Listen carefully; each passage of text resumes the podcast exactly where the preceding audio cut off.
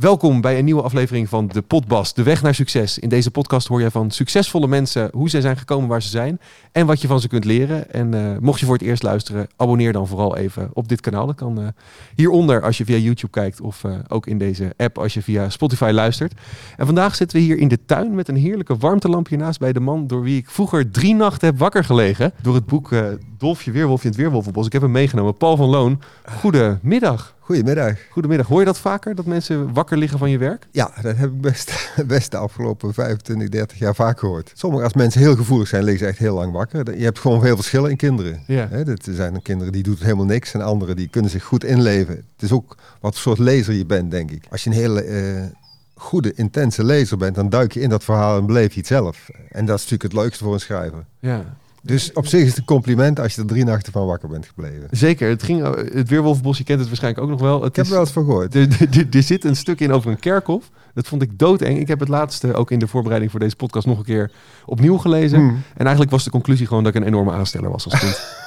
ja, maar hoe oud was je toen? Ik denk een jaar of acht of zoiets. Dan bleef je het heel anders dan nu. Nu, nu. nu kijk je er anders naar natuurlijk. Is ook zo.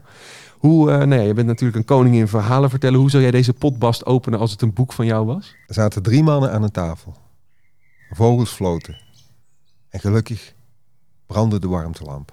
Volledige naam. Paulus Stefanus Elisabeth Lambertus Maria van Loon. Leeftijd. 67. Beroep. Kinderboeken schrijven. Bekend van. Dolfje Weerwolfje, de Griezelbus, Rabelijn, Fuchsia, de mini-heks. Verliefd, verloofd of getrouwd? Getrouwd. Dit griezelfiguur lijkt het meest op mij. Ik heb de schrijver uit de griezelbus heb ik P. Onnoval genoemd. En die heeft dezelfde letters als mijn naam. Dat is het dichtst dat hij bij mij komt. Limburg is niet alleen een rijk aan kastelen, aan heuvels, aan kermissen en kerken en carnavalsprinsen, maar ook aan verhalen, waarvan sommige zo sterk zijn als de Limburgse kaas. Men moet niet alles geloven wat men u in Limburg vertelt, maar men moet er wel naar luisteren. Komt het je bekend voor? Deze zin? Ja. Het is de opening van het Limburgs Zagenboek. Ja, van een uh, ander Limburgs Zagenboek, denk ik. Want ik, ik heb een heel oud Limburgs Zagenboek uit 1915. Ik heb hem in mijn kamer liggen. Het is, het is, uh, hij is uh, nu dus 107 jaar oud. Ik gebruik hem altijd bij de voorstelling, dat boek. Um, omdat het zo oud is. En met name zeg ik dan tegen kinderen, luister, jullie hebben allemaal mobieltjes. En, en je gebruikt een tablet en laptop al die dingen. Je hebt ze drie jaar, maximaal vijf jaar zijn ze kapot. Dit boek is 105 jaar oud en je kunt het nog steeds lezen. Dus blijf lezen. Ja, Gebruik het als promotie voor een boek tegenover schermen. Ja, want het Limburg Zagenboek was voor jou het begin waarmee het allemaal begon, toch? In die zin dat mijn vader had dat boek in de boekenkast staan. En dat vond ik toen ik een, denk een jaar of acht was. En dat stond vol hele wonderlijke verhalen over dingen waar ik nog nooit van gehoord heb. Onder andere ook weerwolven, maar vreemde uh, vliegende koetsen, brandende koetsen die door de lucht gingen. Uh, vuurmannen, dat waren mensen die bestonden uit vuur. En ik heb altijd van, van dat soort boeken gehouden. Eigenlijk ben ik altijd sprookjes blijven lezen. Het, heeft al, het zijn een soort sprookjes allemaal. En wat was het eerste verhaal wat je zelf schreef? Dat verhaal schreef ik pas toen ik 22 was, het eerste verhaal. En ik schreef niet omdat ik schrijver wilde worden, want dat wilde ik helemaal niet. Maar ik had een tekening gemaakt waarop een, uh, een, een, dwerg stond. Die zat boven in een boom en die keek omlaag. Er stond een troll met een bijl op zijn schouder. Dus daar was iets aan de hand. En toen dacht ik, daar hoort een verhaal bij. Toen heb ik dat geschreven, want ik kende geen schrijver. Dat was mijn eerste verhaal. Ja. Ik weet nou niet meer precies hoe het... Uh, ik weet alleen dat hij Dulen heette. Maar hoe het verhaal precies ging, weet ik niet meer. Want dat is echt zo lang geleden. Dus hoe lang geleden? 45 jaar geleden. Maar dat is het begin geweest van wat, wat uiteindelijk een glansrijke carrière is geworden. En dat heeft uh, geen windeieren gelegd. Ik heb geprobeerd om het even samen te vatten. Zet de koptelefoon op, dan hoor je binnen twee minuten de afgelopen 40 jaar. Oh, goeiedag. Paulus Stefanus Elisabeth Lambertus Maria van Loon wordt op 17 april 1955 in Geleen geboren. Als kind heeft hij al een grote interesse in lezen. Terwijl zijn buurkinderen buiten spelen, zit Paul met zijn neus in de boeken. Het liefst fantasie- en griezelverhalen. Maar in die tijd zijn er nog geen griezelboeken voor kinderen, dus is Paul aangewezen op de volwassen griezelboeken. Ondanks zijn grote liefde voor lezen voelt hij niet de behoefte om er zijn beroep van te maken. Tekenen is namelijk meer zijn ding. Dus na de middelbare school gaat hij naar de kunstacademie in Den Bosch voor de opleiding illustratief tekenen. Een van de lessen gaat over het illustreren van kinderboeken en Paul weet het zeker. Hij wordt illustrator. Maar tijdens de vier jaar durende opleiding wordt hij het constante tekenen beu en besluit hij te stoppen met school. Ik vond het niet meer leuk. Ik dacht, ik leer hier niks meer. Aan een diploma heb ik toch niks, dus toen ben ik gestopt. Maar gelukkig stopt Paul niet helemaal met tekenen. En als hij begin 20 is, maakt hij een tekening waar een verhaal bij hoort. Hij kent geen schrijvers, dus besluit hij het zelf maar te gaan maken en stuurt het op naar de kinderpagina van het Brabants Dagblad. Het verhaal valt zo in de smaak dat hij er meer mag maken en binnen een paar jaar tijd schrijft Paul meer dan 100 verhalen en rolt zo steeds verder het schrijversvak in. Maar hij wil eigenlijk iets langers gaan maken en als hij 28 is, verschijnt zijn eerste boek, Bovenop Tante Agaat. En in de jaren die volgen schrijft Paul meer dan 100 boeken, waaronder De Griezelbus, Fuchsia de Mini-heks en Dolfje Weerwolfje. Paul wordt gezien als de grondlegger van het griezelsgenre in Nederland, of zoals hij het zelf vaak noemt, grumor, griezelen met humor. Voor zijn werk heeft hij in de loop der jaren meerdere prijzen gekregen, waaronder 10 keer de Nederlandse Kinderjuryprijs en zelfs een Oeuvre Award. Ook zijn een aantal boeken omgetoverd tot film, musical of zelfs een attractie in de Efteling. Komend jaar is het 40 jaar geleden dat het eerste boek van Paul van Loon uitkwam. Toch mooi dat iemand die als kind de grootste moeite had met het schrijven van een opstel, het zo ver heeft weten te schoppen en zich nu inzet om iedereen aan het lezen te krijgen. Dat heb je prima samengevat. Dat Ja? klopt allemaal. Maar als kind moeite met een opstel. Ja, Want waar merkte je dat aan? nou dat was, eh, om, je kreeg namelijk verplichte onderwerpen. Schrijf een opstel over je vakantie. Schrijf dit of dat. Nou, dan was je na een halve, half, half A4'tje, was ik al uitverteld. Ik mocht er geen fantasie bij gebruiken. Ik denk dat het dat was.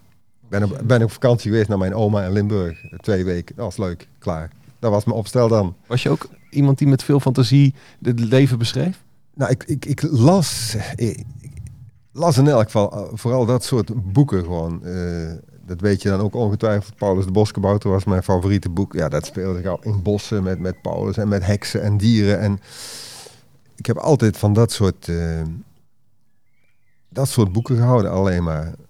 Maar daarnaast, ik was, ik, ik, het was niet dat ik niet buiten kwam. Want, want wij, wij, ik woonde in Waalwijk en daar aan de rand van, van die stad en daar buiten waren sloten. Daar gingen we altijd kikkers vangen en de, de weilanden in en voetballen, want we hadden een eigen veld achter. Dus ik was een lees- en leefkind. Maar daar eh, tijdens het spelen wel ook overal weer de verhalen bij verzinnen. Of dat weer niet? Ja, gewoon dingen zien. Ik, ik, eh, ik- dat, dat voetbalveld was, dat veldje was achter, ons huis stond in een, in een, in een vierkant, zeg maar, in een, rij- een rijtjeshuis, eh, een vierkant. En daarbinnen was een heel groot grasveld waar wij altijd gingen. Daar ging ik eh, veel liggen en dan, dan, ging je liggen op je rug en dan keek je naar die sterren en dan, eh, nou, dan, dan viel ik omhoog als het ware. Je vond er ook dingen. Ik kan me herinneren dat ik, dat ik een keer ehm, de revue op de panorama vond. En, en die lag open en er lag een schilderij van eh, Rembrandt. De Heelmeesters of zo heet het.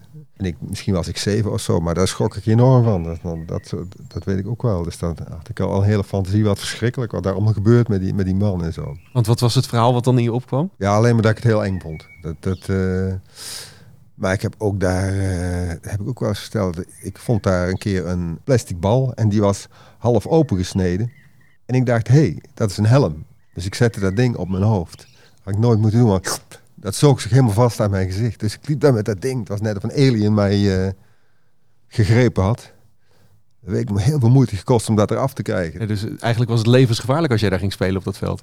Ja, daar kan van alles gebeuren. en bij de sloten natuurlijk, hè, daar zaten heel veel kikkers. En daar zag ik een keer een krokodil liggen. Ja, niemand geloofde, maar ik heb een krokodil gezien daar, zo groot. In die sloot kwam na, na school, kwam ik daar, ging daar zitten aan de rand van die sloot. Ik keek zo, daar lag die krokodil. Dood. Beetje bloed uit zijn bek, zo'n lange bek. Hij lag op zijn rug, zo'n vuil witte buik. En eh, ik naar huis rennen, want we woonden daar vlakbij. Kom, kom, kom kijken, dat, eh er ligt een krokodil. Nou, niemand geloofde het natuurlijk. Maar nou, uiteindelijk gingen ze mee en toen kwamen we eraan, toen was hij weg. Gewoon, Ja. Ik weet zeker dat ik hem gezien heb. En eh, uit wat voor gezin kom jij?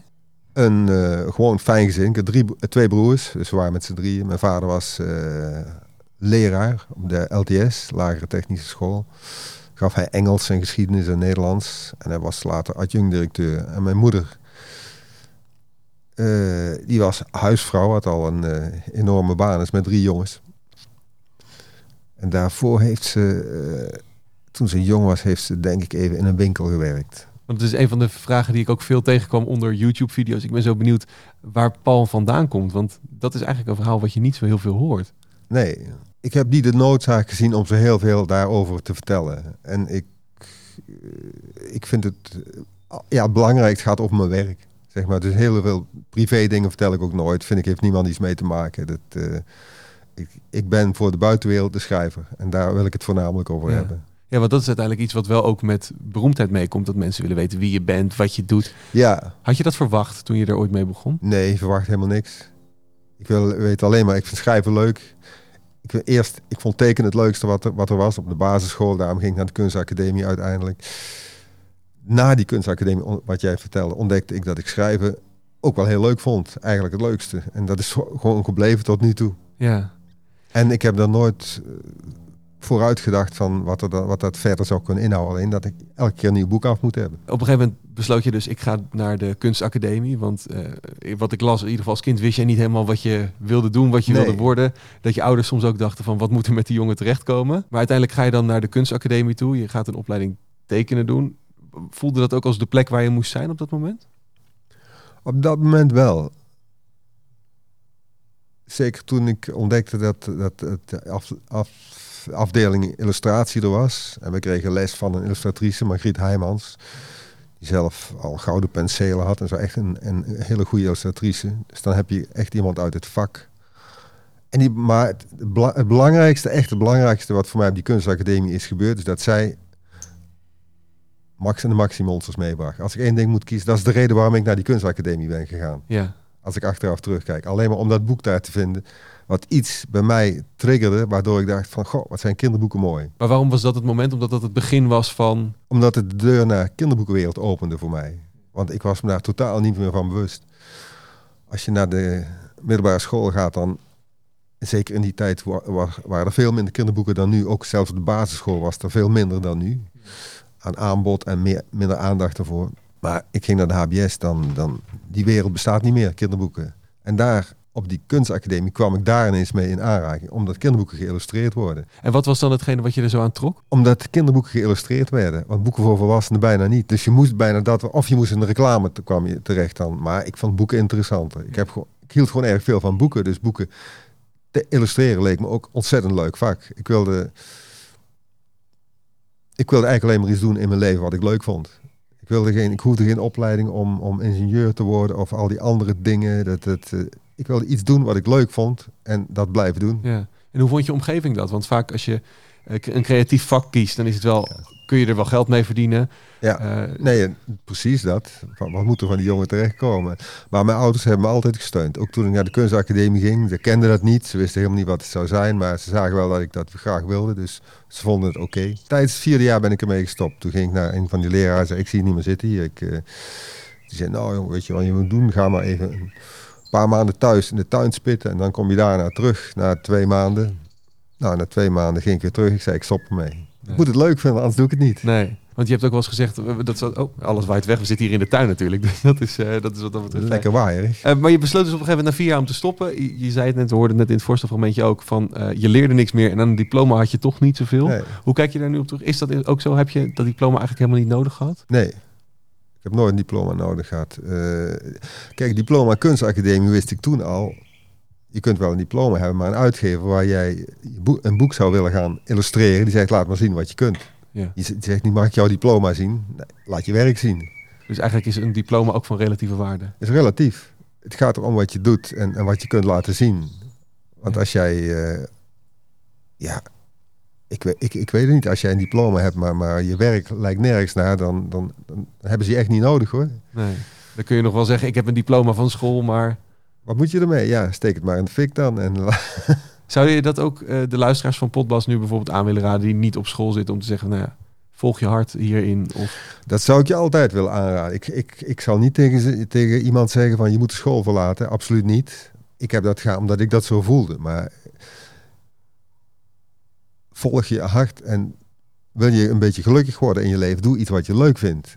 Want anders kom je er, als je 40 jaar bent, achter van dat je iets anders had willen doen. En dan krijg je meteen een midlife crisis. En een burn-out en weet ik veel wat. Hoe reageerden je ouders op een gegeven moment dat je er aankomt en je zegt van jongens, pap, mam, ik heb vier jaar gestudeerd.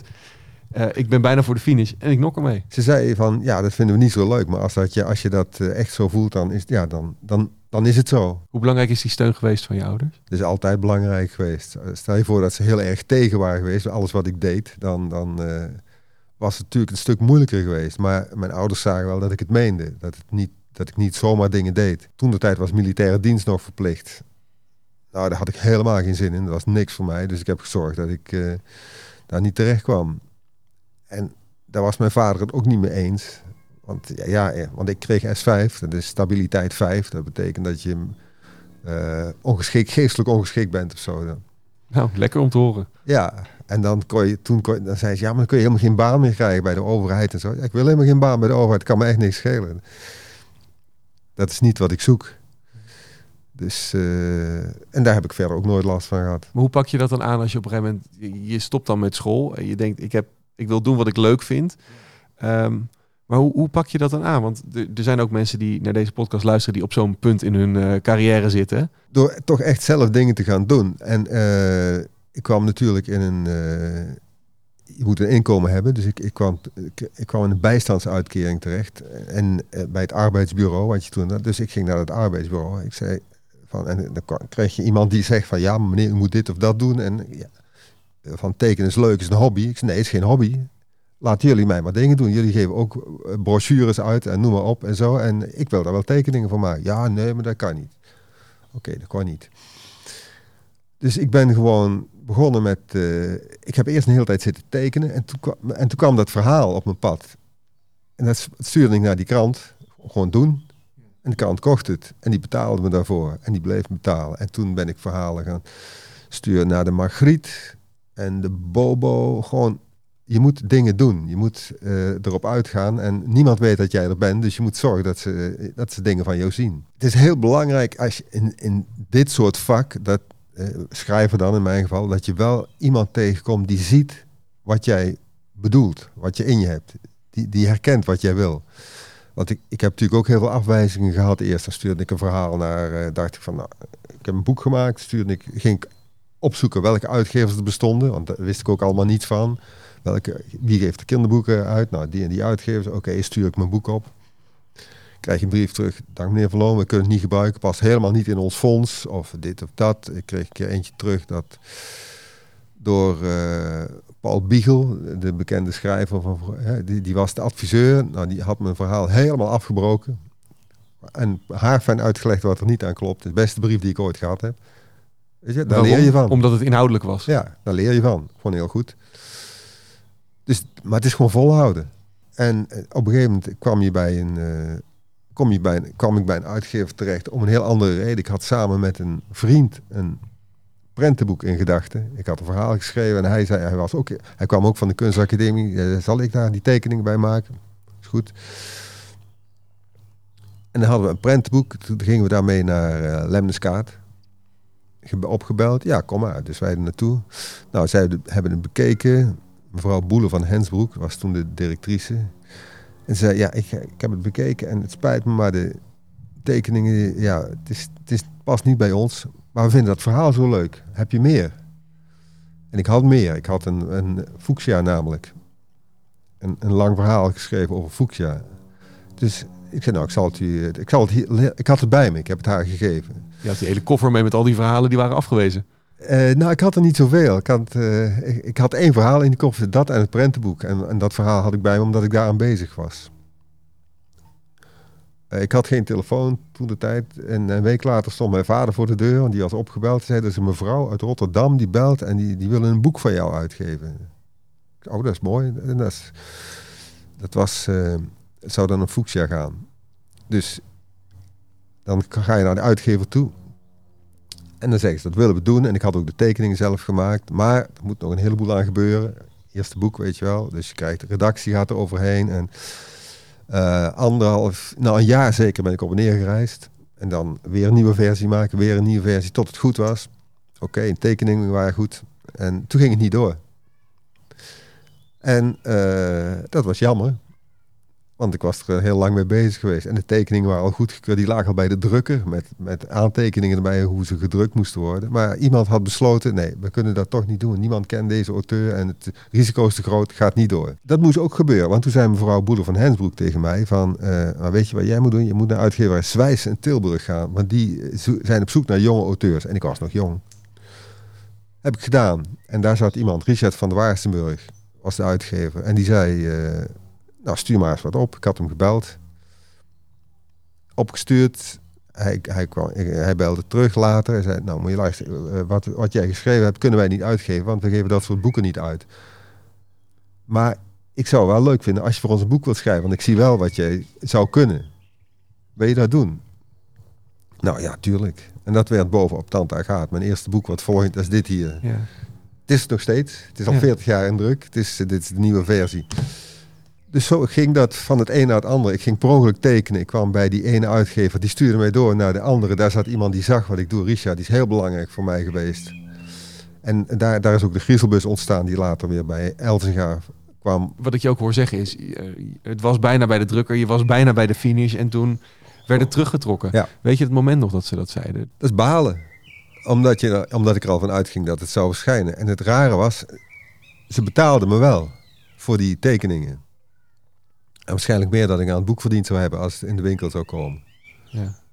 Dus dat is heel. eh, maar ik, ik, dat, ik, ik kreeg een goede tip van haar. Ik, ben, ik ga gewoon verder. Ja. Dan niet, weet je wel. Dan kunnen ze gaan zitten zeuren, maar dan heb je niks aan. Dus toen dacht ik, nou, dan ga ik naar uitgeverijswijs. En bovenop Tante Agaat was jouw eerste boek wat uitkwam. Ja, Ehm, dat komt dan op een gegeven moment uit. Zit je dan ook te wachten op de recensies of op de reacties? nee. Nee? Nee, dat, dat, eh, dat heb ik nooit gehad eigenlijk. Dat, ik weet ook niet of daar... Ja, daar is wel iets over verschenen, geloof ik. Het is wel spannend natuurlijk als iemand iets over je boek schrijft in het begin. Ik wist helemaal niks van de kinderboekenwereld. Toen ook niet toen ik het aan het schrijven was. Ik kwam er maar toevallig in terecht, dus ik wist er ook niet veel van. En ik wist ook niks van recensies en noem maar op. Dat dat, ik weet niet dat dat bestond eigenlijk. Je bent iets, iets aan het maken en je vindt het zelf leuk. En er komen tekeningen bij. En, en, eh, ja, ik heb er nooit zoveel van gevonden van recensies. Het wordt ook, ook niet, niet zo heel veel over me geschreven. Tegenwoordig helemaal niet meer. Iedereen kijkt, oh ja, weer een boek van, weet je wel. Het zal wel. Het zal wel goed zijn? Het, of- zal, ja, het, is er gewoon van. En er is heel weinig aandacht voor kinderliteratuur in tijdschriften tegenwoordig. Vroeger veel meer.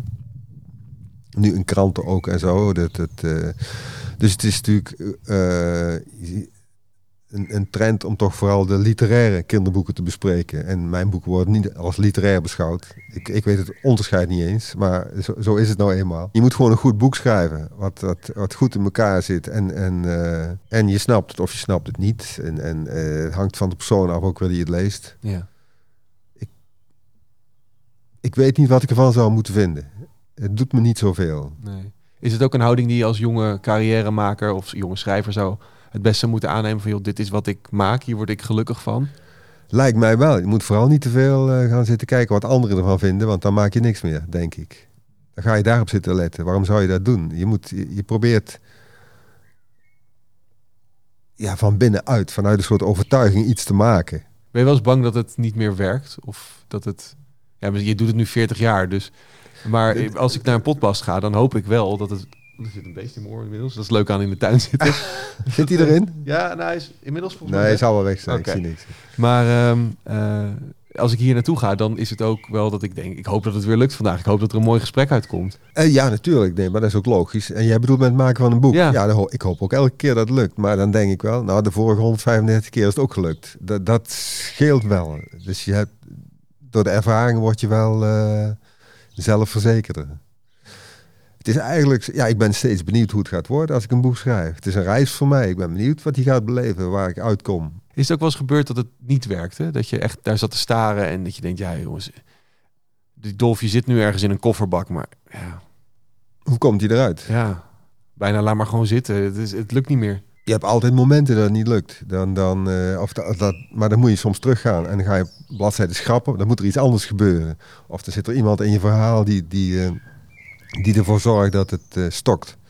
Nou, die, die hoort er misschien helemaal niet in thuis. Soms heb je figuren die sluipen je verhaal in, maar die wil je helemaal niet hebben. Dus het is ook vaak teruglezen. En, en soms als het eh, moeilijk gaat, dan moet je het gewoon een week laten liggen. Of een maand of wat dan ook. En iets anders doen eh, om even een frisse geest te krijgen, zeg maar. En wanneer had je voor het eerst door dat je dacht, hé, hey, volgens mij werkt het wel, het lukt wel. Mensen vinden het leuk. Ik kreeg eh, steeds meer van, als, als ik ergens ging, eh, bijvoorbeeld signeren, dan stond er vaak, in het begin staat er helemaal niemand, niemand kent je. Als je in een winkel zit, dan komen ze vragen waar de encyclopedieën staan en dat soort dingen. Weet u waar dit, eh, ja, volgens mij daar, maar...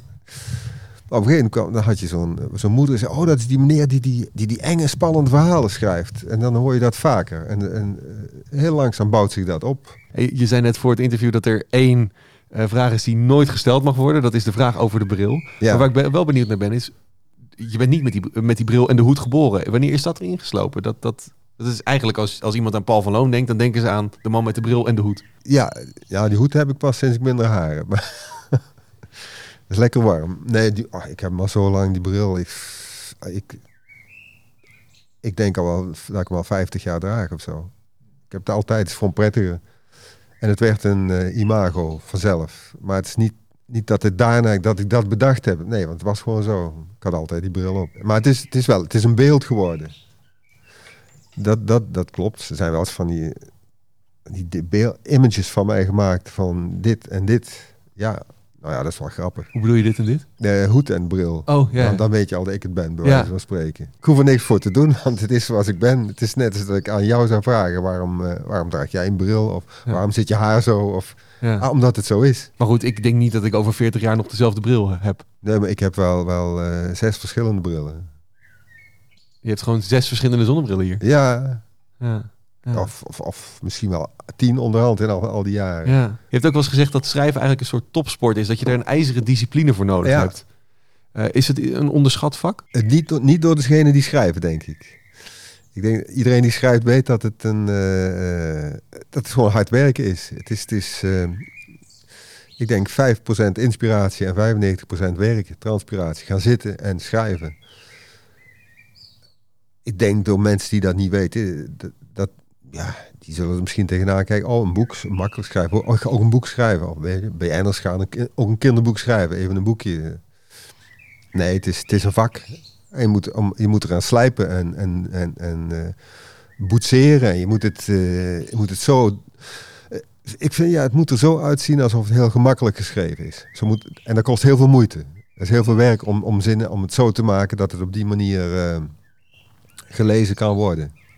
Ja, want hoe, wat is daar moeilijk aan dan? Wat, hoe, hoe, eh, je bent nu ook weer met dingen bezig waarschijnlijk. Ja, Hoe, eh, ja, hoe gaat het bijvoorbeeld wat je gisteravond geschreven hebt? Hoe, hoe slijp je dat dan? door alle woorden in één zin op die plaats te zetten waar ze moeten staan en ook de juiste woorden. En, en, en ja, het is heel moeilijk uit te leggen. Je zit in zo'n verhaal, je bent bezig en je, je voelt alleen, nee, dit moet anders. Dit, moet, dit woord hoort daar niet en dit kan weg. En, en, en daarom moet ik twee zinnen eerder dat veranderen, zodat dit weer klopt.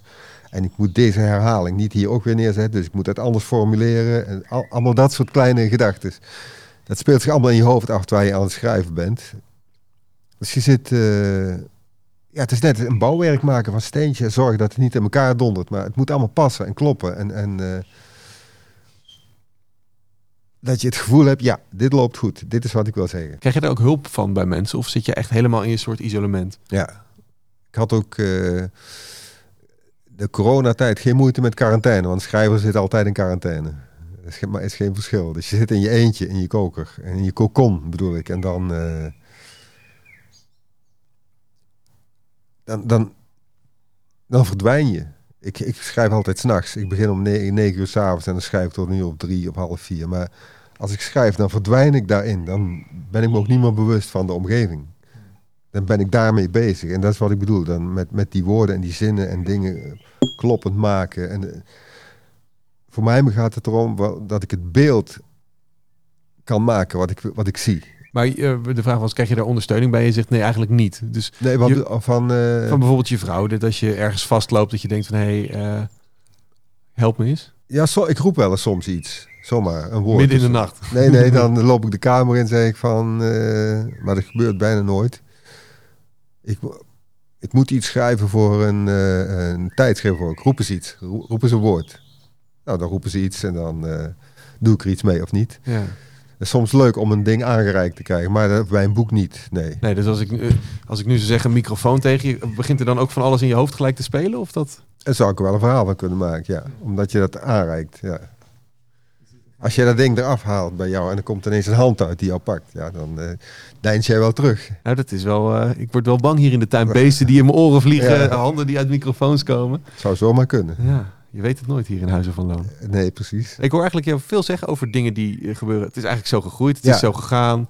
Eh, je zegt ook wel, schrijver ben ik nooit geworden, dat ben ik gewoon ingerold. Ik heb weinig met voorbedachte raden gedaan. Het is, eh, ik heb alleen steeds gewoon mijn, mijn... Het belangrijkste is, ik moet het leuk vinden. Ik moet het willen doen. Want waarom, het leven is kort, waarom zou ik dingen doen die ik niet leuk vind? En als je dan je beroep van kunt maken, dan is het helemaal mooi. Maar nooit een stip op de horizon gezet van als kleine jonge schrijver, hier wil ik heen, dit wil ik bereiken. Nou, het, het bereiken dat, je een boek, dat een boek uitgegeven werd, dat is al een heel groot iets. En dan dat je tweede boek wordt uitgegeven. eigenlijk dat, want het draait altijd om het boek. Dat ze het willen uitgeven is al, is al, al heel geweldig. En dan dat, kijk, dat er films van gemaakt worden, was nooit bij me opgekomen. Dus dat is weer een, iets anders wat ook heel bijzonder is natuurlijk. En dan weer een musical inderdaad. En, en met Efteling was ook een heel groot ding, die Parkshow Ravelijn. eh, dus dat zijn hele mooie dingen die op je pad komen. En die volg ik dan. Het, het, het- ik weet dat van tevoren niet. Went zoiets ooit? Ook eh, het uitgeven van een boek, je hebt er meer dan 100 gemaakt. Ja. Eh, is het nog steeds hetzelfde gevoel als bij Tante Agaat? Ja, het is altijd, als het, eh, als het is, is het altijd geweldig. Want, het is, ik, ik blijf het een vorm van magie vinden. Ik zeg ook altijd tegen kinderen, het is tovenarij, want eerst is er niks. Er is een idee in mijn hoofd, kan niemand zien. Een soort vonk van, ik heb iets in mijn hoofd. Nou, daar ga ik mee aan de gang, ben ik aan het schrijven, dan is er nog steeds niks. Maar uiteindelijk is het dit, heeft het vorm gekregen. Het is tovenarij. Een idee is omgetoverd tot, tot materie. Wordt de druk ook hoger naarmate je meer succes hebt? Eh, dus dat mensen op een gegeven moment ook dingen van je gaan verwachten van dit is Paul van Loon, dus het moet wel goed zijn nu. Ik kijk daar niet naar. Ik schrijf voor mijn volgende boek. Ik, eh, ik, ik hou geen rekening met druk, want dat is alleen maar lastig. Dus eh, druk moet je, niet, moet je niet druk om maken. Je moet, gewoon, je moet gewoon je boek schrijven. Je moet gewoon je werk doen en je, je weet dat je probeert het zo goed mogelijk te doen. En dan hoop ik dat heel veel kinderen er weer blij van worden. Eigenlijk is dat al 40 jaar zo, dat denk ik zo. En daar is eigenlijk niks in veranderd. Maar goed, als een, als een, als een boek uitkomt en mensen lezen het niet, het verkoopt niet, eh, ze vinden er niks aan, dan, Dan denk je, ik doe het niet meer goed. Dat, is- dat zou wel jammer zijn natuurlijk. is dat na één mislukt boek al?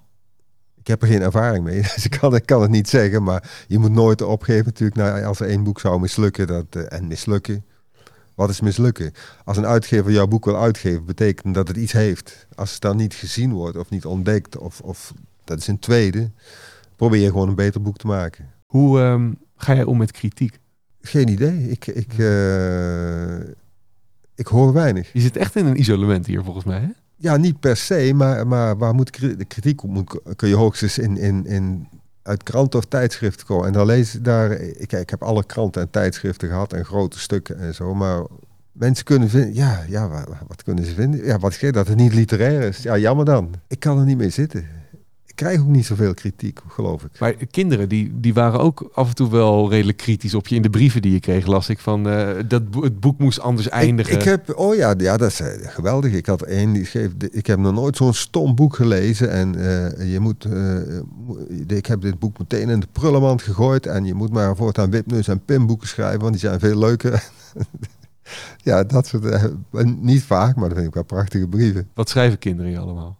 Ja, dat is ontzettend leuk. Vind ik. De, de, de hoeveelheid brieven van kinderen die het geweldig vinden is zo groot. Misschien heeft me dat ook immuun, immuun gemaakt voor kritiek. Ik weet dat zoveel kinderen het leuk vinden. En er, kijk, ik krijg tot nu toe volwassenen die, die mij komen bedanken voor Dolfje Weerwolf. Waarmee ik hun jeugd gered heb. En echt letterlijk, hè, mensen die ongelukkige jeugd hadden. En, en eh, heb zoveel verhalen gehoord wat, wat die boeken gedaan hebben, wat ik zelf niet wist. En heb je nu precies weer die ene janker die er wakker van heeft gelegen tegenover je zitten. nee, maar dat, dat, dat, dat denk ik, ja. Oké, dat, dat zit ook in het boek. Toch goed dat dat ook... eh, het was niet mijn bedoeling, sorry nogmaals. Maar dan heeft het boek wel zijn effect gehad. Want ik las dat je ook alle brieven beantwoordt van de kinderen. Of de meeste die je kan beantwoorden. Toen, maar nou niet meer. Dat, ik heb... eh, ik- wat kinderen vroeger, vroeger deden, schreven echt brieven. En Ze hadden geen mobieltjes, dus ze plakten er eh, pasfoto's bij, dus als een soort selfies. Dus ik, had, ik heb eh, rond 2000 had ik 20.000 brieven van kinderen gehad. Handgeschreven allemaal. En toen zijn we overgestapt. eh, Ja, ik kon niet meer brieven. Ik zat 15 uur in de week brieven te beantwoorden. Dat is een beetje te gek. Dat kost me veel te veel schrijftijd. Ja. Dus toen zijn we met standaard brief gaan werken, die ik elke maand aanpaste en zo. En nu gaat het allemaal meer via de uitgever, via eh, e-mail of internet. Niemand kan mij persoonlijk mailen, dat, eh, want dat is geheim. En kinderen schrijven natuurlijk niet meer. Niet. En toen echt brieven met de hand, hele, hele verhalen over wat, ze, wat voor hobby's ze hadden, wat ze deden en wanneer komt je volgende boek. En, en eh, allemaal ertussendoor zo. Dat was heel leuk. Ik las er online ook eentje van die, die wilde jouw adres hebben of je telefoonnummer, zodat eh, vrienden konden worden. Ja, ja, die zeiden ook vaak. Ja. En vaak eh, kunt u mijn volgende boek over, uw volgende boek over mij schrijven, dat ik erin voorkom. Ik heb ook honderden die die vraag hebben, naamgebruik. Tuurlijk.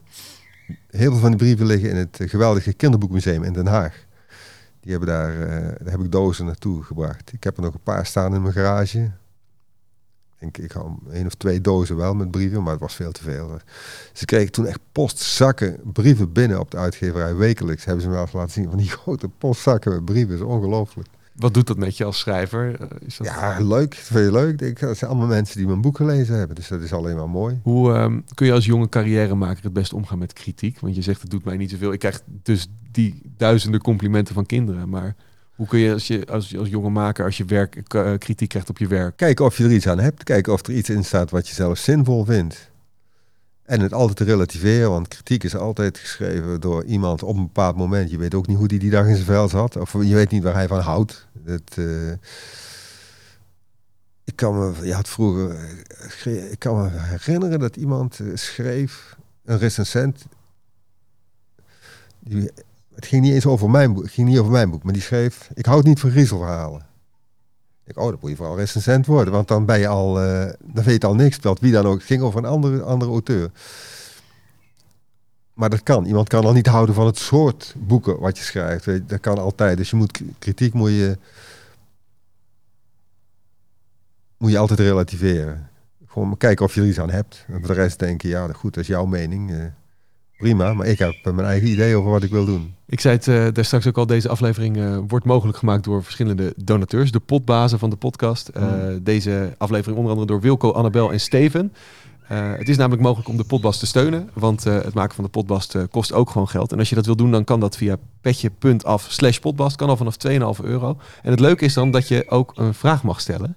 Dus ik heb van een paar eh, potbazen een, eh, een vraag voor je. Hey Paul, Olivier hier. Ja, goed, ik heb dan een zonnebril op. Nooit zo cool als jij natuurlijk. Maar goed, ik heb wel een vraag voor je. Namelijk, jij staat natuurlijk bekend om griezelboeken waar allerlei griezels weer uit de dood kunnen verrijzen alsof het niks is. Dan vroeg ik me af, is dat ook niet iets voor het griezelgenootschap? Eh, ik denk het niet. Nee. Het was een collectief van schrijvers waar jij de voorzitter was. Ja. Eh, We hebben tien boeken gemaakt samen.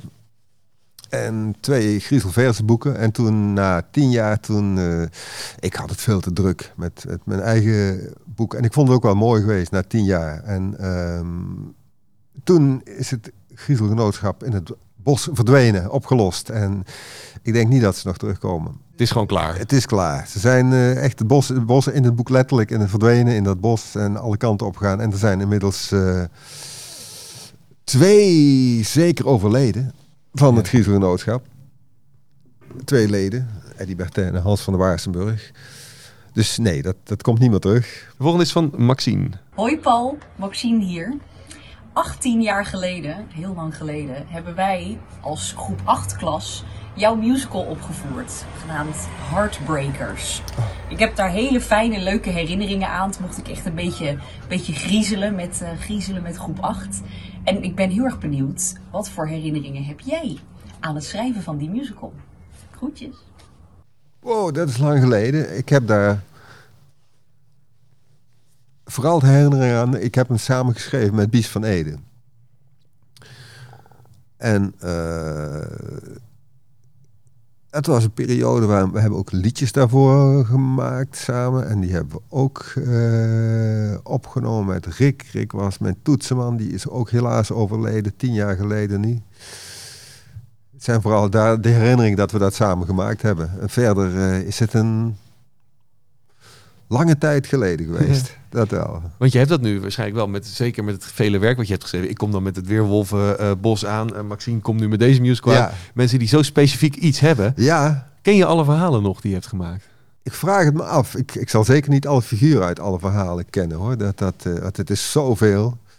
En ik ehm, heb eigenlijk nooit tijd gehad om terug te gaan kijken. Want ik ben steeds met iets nieuws bezig. Hè? Dus dat, eh, ik weet het niet of ik ze Ja. nog allemaal ken. Het is, er zit, het is heel veel. Ja, en uiteindelijk zijn het dus, eh, eh, is het een musical geworden. Er, is, eh, er, er zijn films gemaakt. Er is een parkshow. Hoe is het als jouw werk dus op dusdanige manier ver, ja, veranderd wordt? Nou ja, dat is natuurlijk enorm leuk, want het is een andere manier waarop je verhaal verteld wordt. Een film is iets anders dan een boek. Dus ik, ben, ik vind dat wel leuk. Ik ben altijd heel benieuwd wat het gaat worden. En het, het is nooit het is precies hetzelfde als het boek. En dat moet ook, denk ik.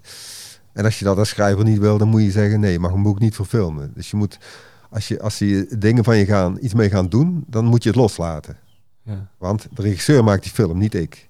Dus dan moet ik ook hem dat laten doen. Heb je wel eens een, een correctie moeten aanbrengen dat je denkt, nou, eh, dat jasje van Dolfje ziet er toch iets anders uit in mijn gedachten dan in die film? Of is het echt Ja, dat los? wel. Ik kan wel dingen zeggen van, hé, hey, dit klopt helemaal niet. En, en eh, ik weet op een gegeven moment bij de musical van Dolce Weerwolf, toen wilden ze, zat opa Weerwolf ineens op de kerktoren.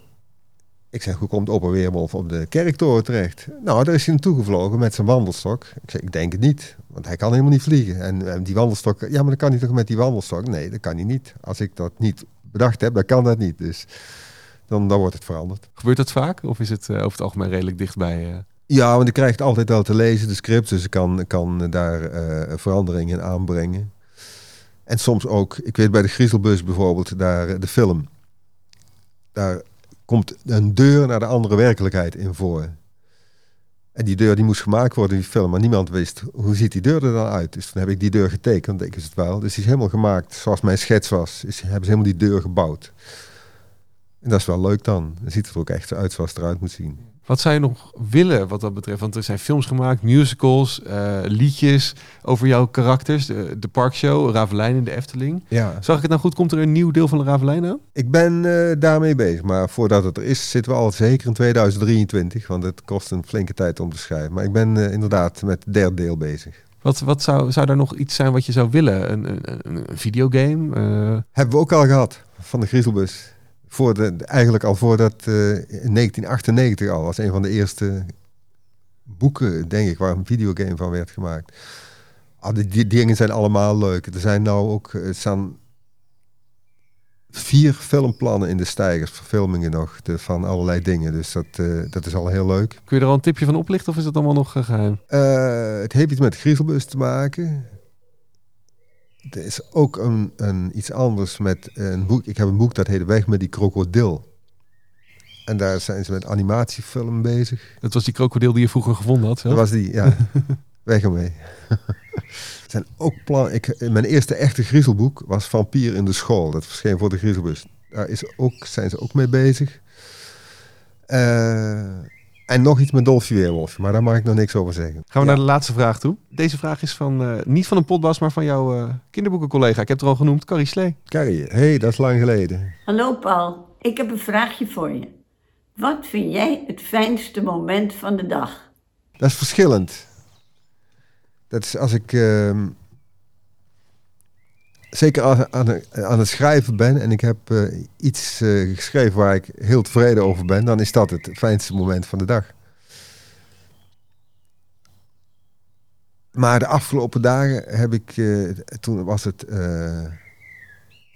na heel lange tijd dat het geen mooi weer was, was het heel erg zonnig. En toen hebben we even in de tuin gezeten en dat was zo fijn. Gewoon windstil in de tuin, in de zon even.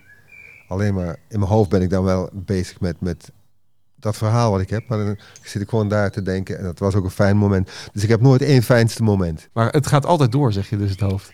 Ja, Geeft het wel eens onrust? nee, ik vind het leuk. Kijk, en, en, eh, het, het wisselt af bij mij. Want als ik niet weet wat ik moet doen, pak ik mijn gitaar. Ik, zit ook, ik speel elke dag ook gitaar. Die staat, ik heb twee, drie gitaren naast mijn eh, werktafel staan. En het loopt allemaal door elkaar heen. Dus of dan maak ik een, een, eh, een nieuw liedje voor de band of voor mezelf. Ik heb laatst ook een met allemaal poppen gemaakt. Zo, een, eh, gek liedje. Dan, eh, Dat vind ik ook leuk om te doen. Het heeft allemaal met, met, het, met het schrijven te maken tegelijk toch. Het heeft allemaal met hetzelfde te maken. Het zijn verschillende vormen, verschillende dingen die ik ermee kan doen. Normaal sluit ik de potbas altijd af met de potbas sticker. Die krijg je ook van me. Ik zal hem hier alvast eh, geven. Maar ik heb speciaal voor jou nog iets. Want Wat een mooie. als ik jou Hugo van Look zeg, dan zegt dat jou ook...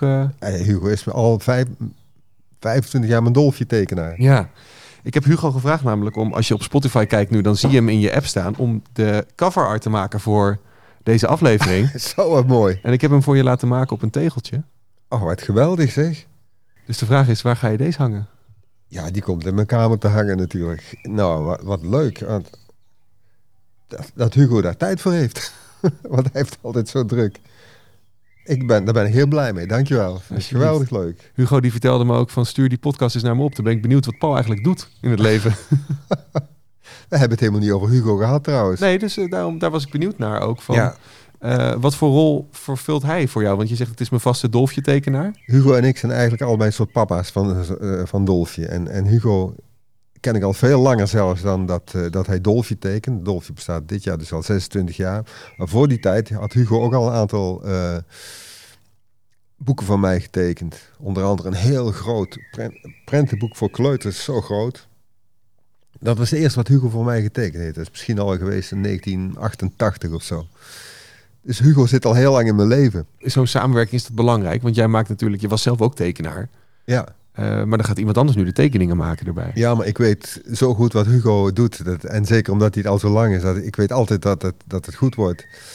En het is ook wel heel grappig, want ehm, Hugo, Hugo die, die stuurt eerst altijd schetsen. En ik hou het heel erg van zijn schetsen. Maar ze zijn heel moeilijk te ontcijferen soms. Van, of het dan wel klopt met wat, wat het moet worden, dat moet dan nog blijken. Maar, maar hij, hij heeft die wereld van Dolfje zo goed in zijn hoofd. Die is ook ontwikkeld en gegroeid, zeker in de loop van de jaren. Dus dat... eh, ja, dat, dat, dat, eh, dat is een mooie samenwerking. Terwijl ik hem nooit zie. Ik zie Hugo, Hugo wel eens, maar niet als hij aan een boek werkt. Want het loopt allemaal via de uitgever. En dan, dan ik stuur het manuscript, hij stuurt het naar Hugo. Het gaat het weer terug. En dan, soms heeft hij vragen voor mij erbij. En, en zo doen we dat al 25 jaar. Je straalt ook helemaal. Van Hugo, Ja. ja. Ja, Hugo is, is een... Wat ik nu... Hugo heeft nog nooit... Dat is ook zoiets. We hadden het over... eh, als je het hebt over literair en niet literair. Als je de- ziet de hoeveelheid werk die Hugo gemaakt heeft. En echt aan prachtige tekeningen. Hugo heeft nog nooit een prijs gehad. Geen zilveren penseel of wat dan ook. Wat ik onbegrijpelijk vind. Want die gaan soms naar tekeningen waarvan je denkt... Nou, dat had mijn buurmeisje ook kunnen doen. We gaan er ook één eh, weggeven. Ik heb er twee laten drukken, ook nog een eh, tegeltje. Dus eh, wat moet men ervoor doen? Gewoon een reactie op Instagram plaatsen? Is dat, ja, dat is, is goed denk ik. Hè? Dat ja. is Op- voor jou ook leuk. Van, wat vind je van deze, vond je van deze uitzending? Ja. ja. Ja. ja. Eh, Of wil je iets speciaals laten doen? ga ik nog even over nadenken. Nee, eh, op het moment dat deze online staat, dan kun je het waarschijnlijk vinden op mijn Instagram pagina apenstaart de radio meneer. Ja. Dan, eh, dan kun je dat vinden. Wil je hem ook signeren dan voor de winnaar? Ja, tuurlijk. Super. Nou, dan gaan we dat eh, straks doen. Eh, eh, stel die jonge Paul die komt naar jou toe, die eh, op de kunstacademie zit en die vraagt: eh, Grote Paul, hoe word ik zo eh, succesvol als jij? Wat zou je hem zeggen? Dan zou ik zeggen, volg je hart en doe alleen wat je leuk vindt. Wat ik in het begin zei. Dat is het allereerste. En dan zorg dat je juist de dingen herkent die op je pad komen. Misschien is dat het wel. Want er komt van alles op je pad natuurlijk. En dan, dan moet je iets herkennen wat goed voor je is. En hoe herken je dat? Ja, dat is een gevoel. Dat is denk ik een gevoel. Ik ben, ik ben altijd op gevoelens afgegaan. Dat, dat, dat, dat- en zo kwam ik op al die verschillende plekken terecht. Op een gegeven moment komen mensen naar je toe natuurlijk, die ook dingen van je vragen. En dan moet je gewoon ook kijken, vind ik dit leuk, dan doe ik het. Vind ik het niet leuk, doe ik het gewoon niet. En in het begin heb, eh, eh, dan heb je nog, dan doe je ook dingen waarvan je denkt, nou, dit vind ik misschien minder leuk, maar ja, de kachel moet wel branden. Ik vind het leuk genoeg om het wel te doen. Maar ik heb ook wel eens een, eh, een opdracht teruggegeven, kan ik me herinneren. Dat wat ik ook voor een verzwijs deed. Maar dat was een. een eh, dat had iets te maken met, met, met lesmethodes, leermethodes. Maar die waren bedacht door iemand van de universiteit in Nijmegen, meen ik. En die waren zo wetenschappelijk zat het in elkaar. Dus ik moest in de derde regel dit of dat laten gebeuren. In de achtste dat. Ik, daar werd ik helemaal gek van. En dat betaalde heel veel. Ik heb het toch teruggegeven. Ik zei, ja, dat doe ik. ik kan zo, zo kan ik niet werken. Is dat ook het ingrediënt voor succes gelijk? Dat durf ik niet te zeggen, want ik denk niet dat, daar een, eh, dat ik daar zekerheid over kan geven. Nee. Je moet het leven nemen zoals het komt en kijken waar het je heen leidt. En dan zit je hier in de tuin met je eigen tegel. Met je eigen tegeltje, ja, ik vind het geweldig leuk. Paul, dankjewel. Graag gedaan, jij ook bedankt. Nou, Paul, het einde van eh, ons gesprek in de potbas. De mensen hebben helemaal uitgezeten. Ze zijn helemaal tot het eind gekomen. Ja, nou hartstikke mooi. Ik vond het leuk. Nou. Ik hoop dat de mensen het ook leuk vonden. Sowieso bedankt dat ze hebben willen kijken. Dat is altijd wel fijn. En luisteren vooral dan. Hè, natuurlijk. Inderdaad, Eh, inderdaad. En als je het eh, leuk vond, geef even een duimpje hieronder en eh, druk op abonneren. Dan krijg je de volgende gesprekken ook eh, zeker te zien. Ja, Eh, en we hebben die tegel natuurlijk. We gaan er eentje weggeven. Ik zei het al. Zou jij hem willen signeren? ga ik doen. Doe het toch in de achterkant. Want ik vind het zonde. Mijn handtekening is vrij groot. Dus dan zit ik over die, teken... zit ik over die tekening van Hugo heen. Als ik hem voor, aan de voorkant zet, ik zet hem aan de achterkant. Helemaal goed. Ja? Deze kun je dus winnen. Ga naar Instagram, de radio meneer. Daar zie je wat je moet doen. En dan heb je een eh, door Paul gesigneerde tegel. Alsjeblieft. Gesigneerd. Kan van jou zijn. de radio meneer op Instagram.